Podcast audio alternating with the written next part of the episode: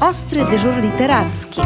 Podcast leczący alergie i nietolerancje czytelnicze. Prowadzi Agnieszka Karpszymańska.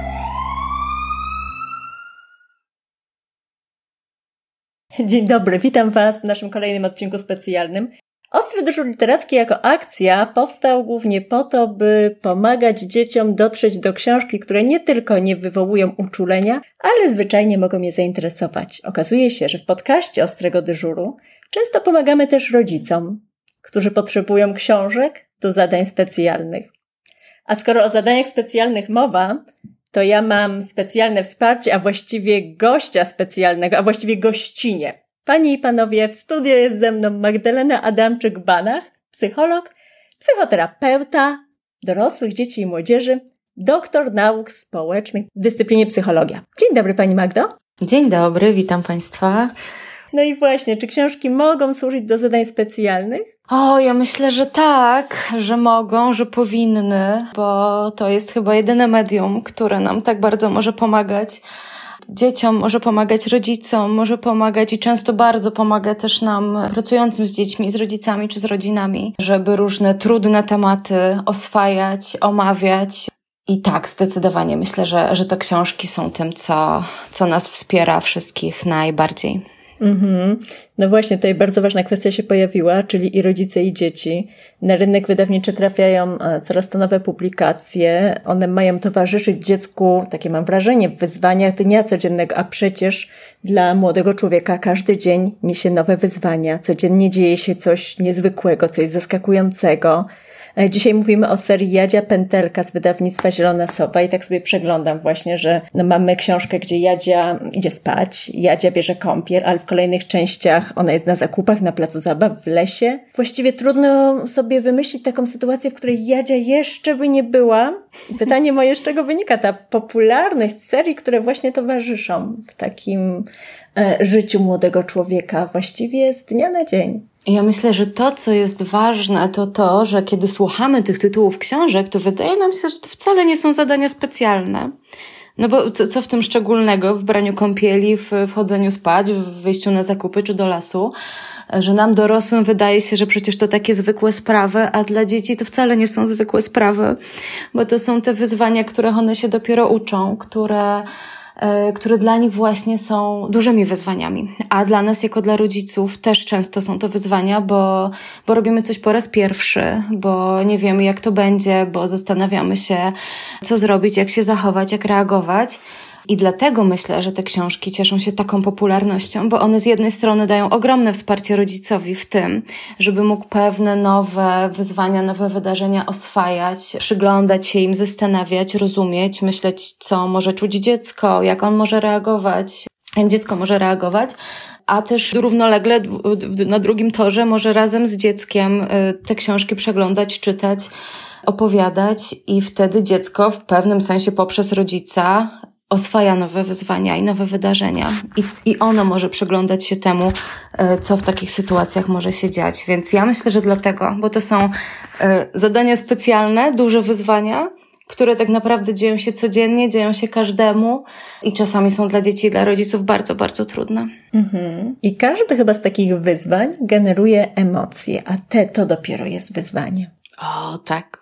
I to też i dla dziecka, i dla rodzica. Bo przecież dzieci reagują bardzo silnymi emocjami w sytuacjach, które znowuż nam dorosłych wydają się błahe, bez sensu. I stąd się pojawiają nasze wszystkie ulubione nie złość się, nie ma o co płakać, czego się boisz, nic się takiego nie stało, a dla dzieci to są ogromne wyzwania i ogromne silne ich emocje, nad którymi one jeszcze nie mają kontroli, bo nie mogą jej mieć.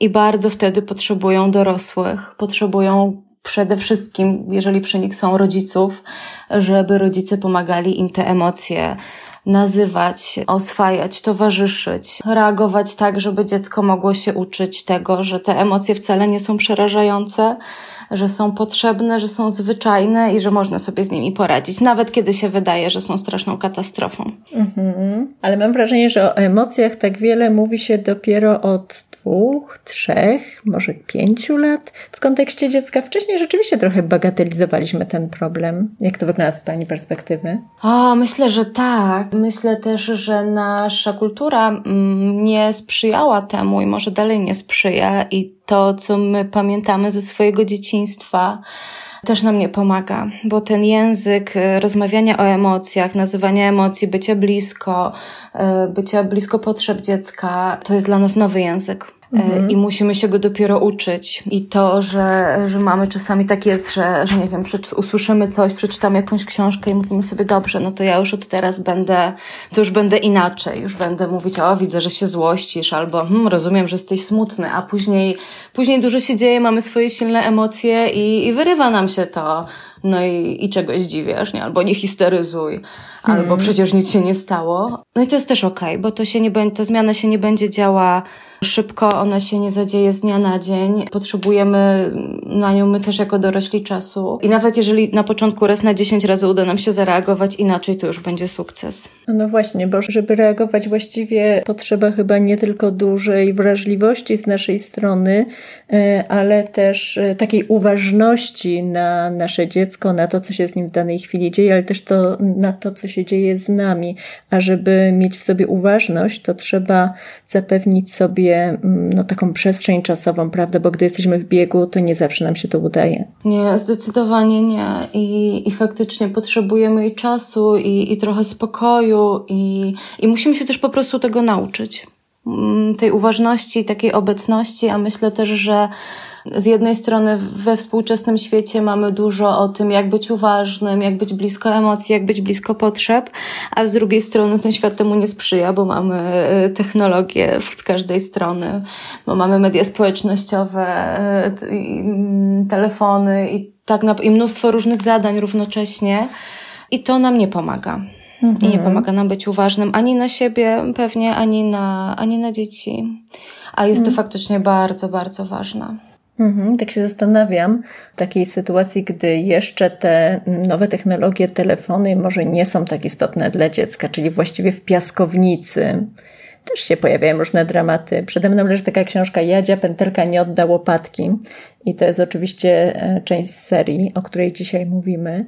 E, I tak sobie myślę, że właściwie ten problem przeżył każdy z nas, albo jako dziecko, albo jako dorosły, który próbował w jakiś sposób dziecku wyjaśnić, jak funkcjonować w grupie. No i pytanie Pani Magdo do Pani, jak tak naprawdę rodzic, współczesny rodzic, co jest bardzo istotne, powinien reagować i powinien uczyć dziecko funkcjonowania w grupie? Czy nadal on powinien ustąpić i dać łopatkę? Czy powinien oddać nie swoją na przykład rzecz, czy powinien walczyć, żeby później poradzić sobie w życiu? Czy jeszcze coś się zmieniło, na przykład w wychowaniu takiego współczesnego dziecka? Hmm. Ja myślę, że to, co się zmienia, to to, że nie mamy już takiego silnego przekonania, że dziecko musi oddać tę łopatkę. A no właśnie, dlatego ja na to zwróciłam uwagę. bo kiedyś myślę, że było tak, że, że, że masz oddać i koniec, bo jak nie, no to znaczy, że wychowujemy dziecko, które się nie umie dzielić, mhm. E, które jest samolubnym dzieciakiem i, i faktycznie potem sobie w życiu nie poradzi. Mm, więc przede wszystkim myślę, że cho chociaż no właśnie, to się trochę zmienia, a nie do końca, bo jeszcze wielu rodziców ma takie przekonanie, prawda, że jak moje dziecko się nie dzieli, no to jest coś nie w porządku. A ja wtedy zawsze sobie myślę, że jak my sobie kupujemy coś nowego, i to jest dla nas bardzo ważne i cenne, to jakby przyszedł do nas ktoś obcy i powiedział, że, że mamy mu to dać, to też byśmy tak chętnie się nie podzielili. A pewnie nawet większość z nas by się wcale tym nie chciała podzielić. No i pamiętajmy, nas... że byłaby to nasza decyzja, a dziecku jednak tę decyzję narzucamy.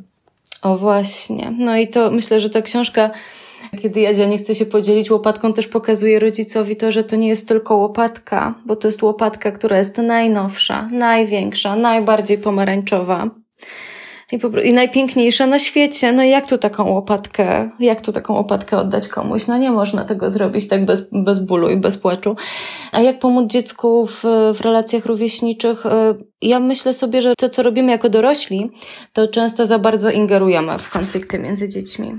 I wkraczamy i próbujemy, właśnie, zabieramy dziecku wybór, tak? Mówimy daj, nie daj zostaw, y, nie rób tak, rób tak. A dzieci zostawione sobie przy takiej znowu uważnej obecności, ale gdzieś jednak na drugim planie dorosłego, te konflikty pięknie potrafią rozwiązywać same. Mhm. Więc myślę, że kiedy zostawimy dzieciom przestrzeń, mm, to to one sobie poradzą. I poradzą sobie też dlatego, że dziecko uczy się stawiania granic i Mhm. e, akceptowania cudzych granic na początku, takie małe dziecko, przede wszystkim w kontakcie z rodzicem czy z osobami dorosłymi. Więc to, na ile my nie będziemy przekraczać, czy przekraczamy granice dziecka, a raczej nie powinniśmy, czy możemy starać się tego nie robić, jeśli nie trzeba, na ile będziemy też e, wyznaczać własne granice i nie pozwalać dziecku ich przekraczać. To jak my będziemy rozwiązywać konflikty z naszymi dziećmi, to wszystko będzie sprzyjać dziecku i to będzie mu pokazywać, że granice są ważne, żeby nie przekraczać granic innych, nie pozwalać innym przekraczać własnych granic w jaki sposób rozwiązywać sytuacje konfliktowe. Mm, Więc myślę, że to, co my robimy w relacjach z dziećmi, będzie bardzo, bardzo istotne i to, żeby dzieciom stwarzać jak najwięcej okazji do przebywania z rówieśnikami w taki nienarzucający sposób. Przyglądamy się z jakiejś bezpiecznej odległości temu, co się dzieje, interweniujemy, kiedy naprawdę jest potrzeba. Mhm. A co mówimy rodzicom, którzy nie zachowują się tak jak my? O. Myślę sobie, że też nie przekraczając ich granic wtedy, prawda? Nie narzucając własnego, własnego punktu widzenia i własnego światopoglądu, ale pokazując swoją postawą i tłumacząc jakby, jak my to widzimy. Mhm. I moim zdaniem jest, jest tak i tak. Ja, ja mam na to taki pomysł. Mhm. To jaki pan czy pani ma pomysł, no to, to ja nie chcę, nie chcę wkraczać, nie chcę, nie chcę tłumaczyć, nie chcę nikogo namawiać, przekonywać, ale ja robię tak. I tyle. Mhm. I ktoś może, może, mm, może spróbować tak jak my, może zupełnie inaczej, ale na to już nie mamy wpływu. Mhm. Ja myślę, że dla wielu rodziców będzie to bardzo ciekawa perspektywa. Nie wiem, czy jeszcze wciąż jest tak, że każdy rodzic chce być najmądrzejszy i chce być alfą i omegą, bo mam wrażenie, że dla samych dzieci największym autorytetem i najbardziej kochanym rodzicem jest ten, który przyznaje się, że sam od czasu do czasu popełnia błędy i że sam od czasu do czasu zwyczajnie nie wie.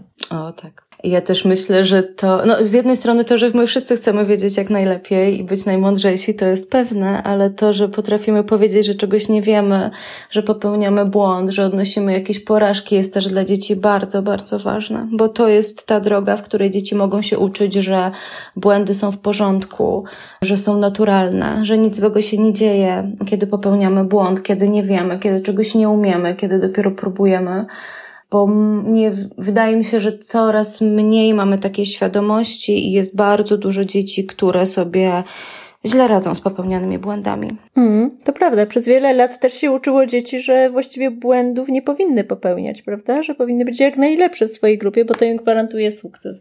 Ale ja sobie pomyślałam w tym momencie o takiej sytuacji, której chyba każde dziecko trochę boi się popełniać błędów, a jednocześnie ta sytuacja jest stresująca chyba dla wszystkich rodziców. Mianowicie myślę o takiej sytuacji, gdy pojawia się nowy członek naszej rodziny, gdy pojawia się rodzeństwo, a tak naprawdę ma się dopiero pojawić. I pytanie jest takie, jak przygotować nasze dziecko na to, żeby to było dla niego dobre doświadczenie, żeby właśnie nie było stresujące, żeby nie bał się, że czy będzie dobrym bratem, bo właściwie chyba dobry brat czy dobra siostra to jest ten, który chce być tym dobrym bratem czy siostrą, ale może, może ma Pani na to jakieś przepisy, bo oczywiście Jadzia Pętelka też z tym problemem się spotyka. E, myślę, że ta książ- te książeczki serii Jadzia Pętelka o rodzeństwie, czyli Jadzia Pętelka wita rodzeństwo i Jadzia Pętelka czuje złość, to są książki, które bardzo, bardzo polecam wszystkim rodzicom i dzieciom, które mają stać się starszym bratem czy starszą siostrą, bo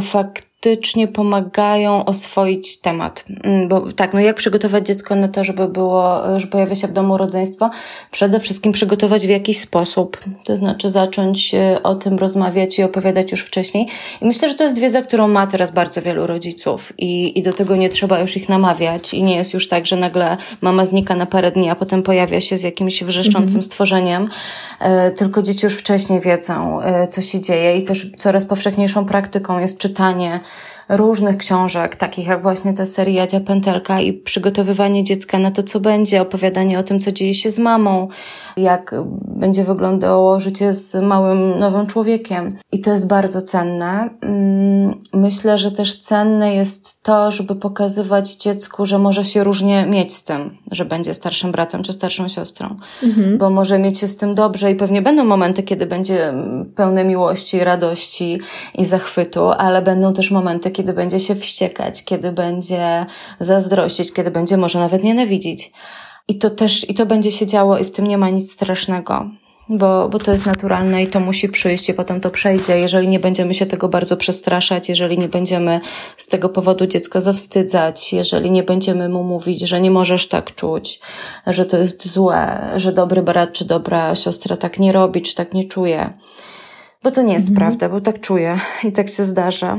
Ale to są jak wszystkie emocje przychodzą i odchodzą, a więź między rodzeństwem się, się tworzy w różnych sytuacjach i w tych trudnych, i w tych łatwiejszych. Mhm. Mm, I myślę też, że co też już na, na szczęście myślę wiele osób robi, to to, żeby mm, być blisko starszego dziecka, kiedy pojawia się nowy członek rodziny w miarę możliwości żeby o nim nie zapominać, żeby pamiętać, że dziecko może wtedy potrzebować być bardzo blisko mamy, że może mogą pojawiać się takie zachowania, które już dawno się nie pojawiały, co my nazywamy w naszym w naszym slangu regresowaniem się, tak, że dziecko nagle chce być karmione, noszone, przewijane, chce być znowu małym dzidziusiem. I to jest też naturalne. I to się pojawi i będzie przez jakiś czas trwało, a potem przejdzie. Myślę, że też ważne jest to, żeby mama miała taki specjalny czas ze starszym dzieckiem, jeżeli jest to możliwe, jeżeli ktoś inny może przyjąć opiekę nad, nad maleństwem, a, a mama może być po prostu tylko, tylko z dzieckiem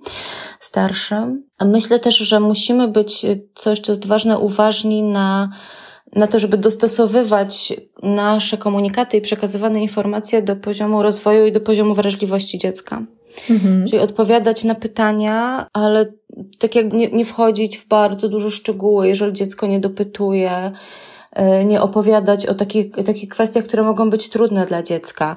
Na przykład rozmawiałam ostatnio z takim małym chłopcem, który bardzo się bał tego, że jemu mamie będą przecinać brzuszek i czy ją to będzie strasznie bolało i, i czy jej się ten brzuszek zagoi.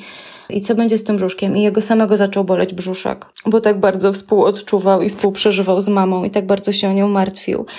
I to też nie chodzi o to, żeby nie mówić o tych, o tych kwestiach, jak będzie wyglądał poród, jak będzie potem wyglądało dochodzenie do zdrowia, ale żeby być na to uważnym, że kiedy, że, i mieć taką myśl, że dziecko może różne rzeczy rozumieć też na swój sposób, że nie wszystko będzie potrafiło tak sobie nazwać i wytłumaczyć, będzie tutaj potrzebowało naszej pomocy, żeby mm, te różne lęki, niepokoje, wątpliwości nazywać i jakoś rozwiązywać. Mhm. A gdy sami nie mamy wystarczającej odwagi, żeby zacząć taki temat albo wyjaśnienia, to książki, jak rozumiem, mogą nas odrobinę wspierać, tak? O, tak, tak, bo w książkach mogą się pojawiać tematy, o których byśmy nawet sami nie pomyśleli. Mhm. A też mogą, pomagają książki w tym, że, mm, że wyprzedzają pewne kwestie czasem. Mhm że to, że jeszcze my nie czujemy, dziecko może też nie czuć pewnych emocji, my nie czujemy, nie wiemy, że pewne sprawy się mogą pojawić, a w książkach one już będą opisane. I potem, kiedy już przyjdzie ta sytuacja, to i my możemy sobie przypomnieć, aha, to już było tam i oni tam radzili sobie z tym w taki, w taki sposób. Dziecko może też sobie przypomnieć, aha, to tak jak Jadzia miała. Wtedy, kiedy przyszli dziadziowie na przykład i dali wielki prezent jej młodszemu braciszkowi, a ona dostała tylko czekoladę i nikt się nią nie zachwycał i była bardzo zła i smutna. Mhm. Więc tutaj w taki sposób też mogą książki pomagać, bo dziecko może wtedy sobie przypomnieć, jak to Jadzia zrobiła. Rodzice mogą sobie przypomnieć, jak wtedy zareagowała babcia Jadzi i, i mają już rozwiązanie, mogą, mogą spróbować mogą jakoś mhm. inaczej zareagować. No tak, to prawda. E, mówimy o takich emocjach, które nie zawsze są łatwe. E, wielu rodziców sama przyznaje, że mm, no, niełatwo mówić dzieckiem o takich negatywnych stanach. Woli raczej skupiać się na tych pozytywnych, które kojarzą się z, z radosnym dzieciństwem, bo w pewnym stopniu chcemy zawsze to dziecko chronić. Czy pojawia się, mm, pojawiają się jakieś takie tematy, których rodzice unikają i jest to taką zauważalną tendencją jeszcze ciągle? Czy rzeczywiście już nie ma tematów tabu w naszych rodzinach i mówimy o wszystkim? Hmm. Myślę, że to bardzo zależy od rodziny że będą rodziny, gdzie nie będzie w ogóle tematów tabu, będziemy mówić o wszystkim i to też nie będzie takie dobre, bo są jednak pewne sprawy, które powinny zostać sprawami dorosłych mhm. E, i którymi dzieci nie powinny się przejmować. Ja tu myślę, nie wiem, o wszystkich kwestiach e, związanych z, z tym, co się dzieje w parze rodziców, czy w parze par rodziców jako parze romantycznej, parze partnerskiej. Mhm. To nie powinno kłopotać dzieci na przykład. Um, ale są też takie rodziny, w których bardzo, w dalszym ciągu jest bardzo dużo różnych tematów tabu i o wielu sprawach się nie rozmawia i to też nie jest dobre. Więc ja myślę, że tutaj tak jak wszędzie najlepszy jest y, złoty środek i, i rozmawianie o tym, co ważne, rozmawianie o tym też, co trudne, no bo przecież jak nie będziemy rozmawiać o czymś, to nie sprawi, że to zniknie tylko raczej będzie gdzieś tam się jątrzyć i jątrzyć i, i, i będzie już, jakby sytuacja może się pogarszać, e, a nie poprawiać. Natomiast też właśnie no z taką uważnością na to, że nie zawsze dzieci są gotowe na trudne tematy dorosłych. Hmm. Czy są takie emocje, które oprócz złości, zazdrości, jakiegoś takiego zagubienia powinniśmy omówić z dziećmi? Czy są takie, o których czasami zapominamy, a zupełnie niesłusznie? Wydaje mi się, że złość faktycznie jest taką emocją, która wzbudza silne emocje i o której często nie lubimy rozmawiać. Myślę, że o lęku też bywa trudno i o smutku. Mhm. O wstydzie, o poczuciu winy. Mhm wstyd, poczucie winy, to też nie są łatwe emocje. Ja mam taką myśl, że to, z jakimi nam jest się trudno emocjami mierzyć jako dorosłym, no to będą te emocje, z którymi nie będziemy się chcieli mierzyć w przypadku naszych dzieci. Że jak mi jest nie po drodze z moją złością i staram się jakoś upychać i ukrywać, to będzie mi trudno wytrzymywać, znosić, akceptować złość mojego dziecka. Mhm. Jak łatwo wpadam w poczucie winy, no to, to będę jakoś, to będzie dla mnie temat trudny, kiedy, kiedy moje dziecko będzie czuło się winne.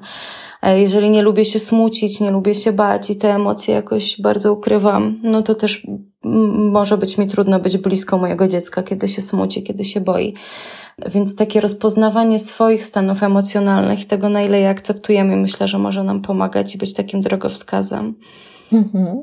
A ja sobie tak myślę, że mm, mamy tą książkę Jadzia Pęterka czuje złość i tutaj bezpośrednio jest odniesienie do emocji, ale właściwie chyba we wszystkich książeczkach z serii emocje się pojawiają, no bo tak jak mówiłyśmy na samym początku, dziecko każdego dnia przeżywa nowe przygody, nowe wyzwania, mierzy się z nowymi wyzwaniami, no i one wszystkie związane są z emocjami. Ale Pani Magdo, pytanie do Pani, jak wybierać w ogóle książki dobre, wartościowe, ale wartościowe z punktu widzenia właśnie psychologa? Czy istnieje jakaś taka recepta? Z tego co wiem, to istnieją recepty na książki i przepisują je specjaliści w ostrym dyżurze literackim. I ja bardzo rodziców zachęcam, bo, bo myślę sobie, że to jest że to jest cenne, że możliwość porozmawiania z kimś, kto się na książkach dobrze zna, wie też dużo o psychologii dziecka i potrafi doradzić jest ważne i cenne, więc do ostrego dyżuru literackiego wszystkich rodziców bardzo, bardzo zapraszam. Myślę też, że wydawnictwa dla dzieci mają teraz bardzo dużo cennych i wartościowych pozycji. E, trudno tak naprawdę o złe książki teraz, tak sobie myślę. Teraz jest rzeczywiście tak bardzo dużo, że łatwo się w nich pogubić. To jest inna kwestia. Natomiast, e, no to prawda, że w wydawnictwie Zielone Sowa, e, której serię dzisiaj omawiamy, jest wiele picture booków, które mówią o świecie malucha, ale też są książki dla samodzielnie czytających dzieci, które mówią pięknie o emocjach, a w zupełnie nieoczywisty sposób i czasami bardzo zawaluowany pod y, niesamowitą przygodą, ale jest też fantastyczna y, proza dla prawie dorosłej młodzieży, której i problemy, i emocje są zdecydowanie bardziej skomplikowane. A skoro o tej dorosłej młodzieży, Pani Magdo, czy dorośli też mogą wyciągnąć coś, jakąś korzyść z książek, ale właśnie w sensie takim wewnętrznym, trochę psychologicznym? O, no ja myślę, że tak, że tak samo jak dzieci, taki, takie małe dzieci i duże dzieci, i młodzież i dorośli mogą z książek wyciągać bardzo, bardzo wiele, e, bo to jest taki unikatowy sposób mierzenia się czy przeglądania, oswajania różnych, e, różnych spraw i tych związanych z emocjami, z różnymi stanami naszego umysłu, ale w nie, nie bezpośredni sposób. Bo to, mhm. co często się dzieje powiedzmy u psychologa czy w gabinecie psychoterapeuty, to jest to, że siedzimy naprzeciwko kogoś twarzą w twarz i musimy się mierzyć ze sobą i to jest trudne, bardzo trudne. A książki dają nam to, że możemy się przyglądać sobie, ale tak jakby poprzez bohatera, trochę z innej perspektywy. I możemy patrzeć, jakoś identyfikować się z, z tym naszym bohaterem, patrzeć, co dla niego trudne, co dla niego ważne. I to myślę, że jest bardzo cenne w książkach i tego ni- żadne inne medium nam aż tak nie daje. Bo książki też pozwalają nam, możemy się zatrzymać w każdym momencie, możemy, możemy się przez chwilę wyłączyć trochę, bardziej zacząć się przyglądać sobie, potem możemy wracać do opowieści, możemy tworzyć różne wyobrażenia. Niesamowita jest moc terapeutyczna książek i opowieści w nich zawartych, dlatego książki i ich działanie terapeutyczne y, myślę, że spokojnie możemy polecać każdemu bez względu na wiek. Mm, a jednocześnie są znakomitą rozrywką, relaksem, przygodą. Tak. Też pomyślałam, że jest taka obfitość na szczęście książek, że każdy może znaleźć coś dla siebie. I to jest cenne. Pięknie dziękuję za tę rozmowę. Moim Państwa gościem była pani psycholog, psychoterapeuta, dr Magdalena Adamczyk-Banach. Dziękuję Państwu za uwagę i życzę dużo czasu na czytanie. Nie tylko dzieciom, ale też sobie, bo książki mają moc. Dziękuję pięknie. Dziękuję bardzo. Do widzenia. Dziękuję.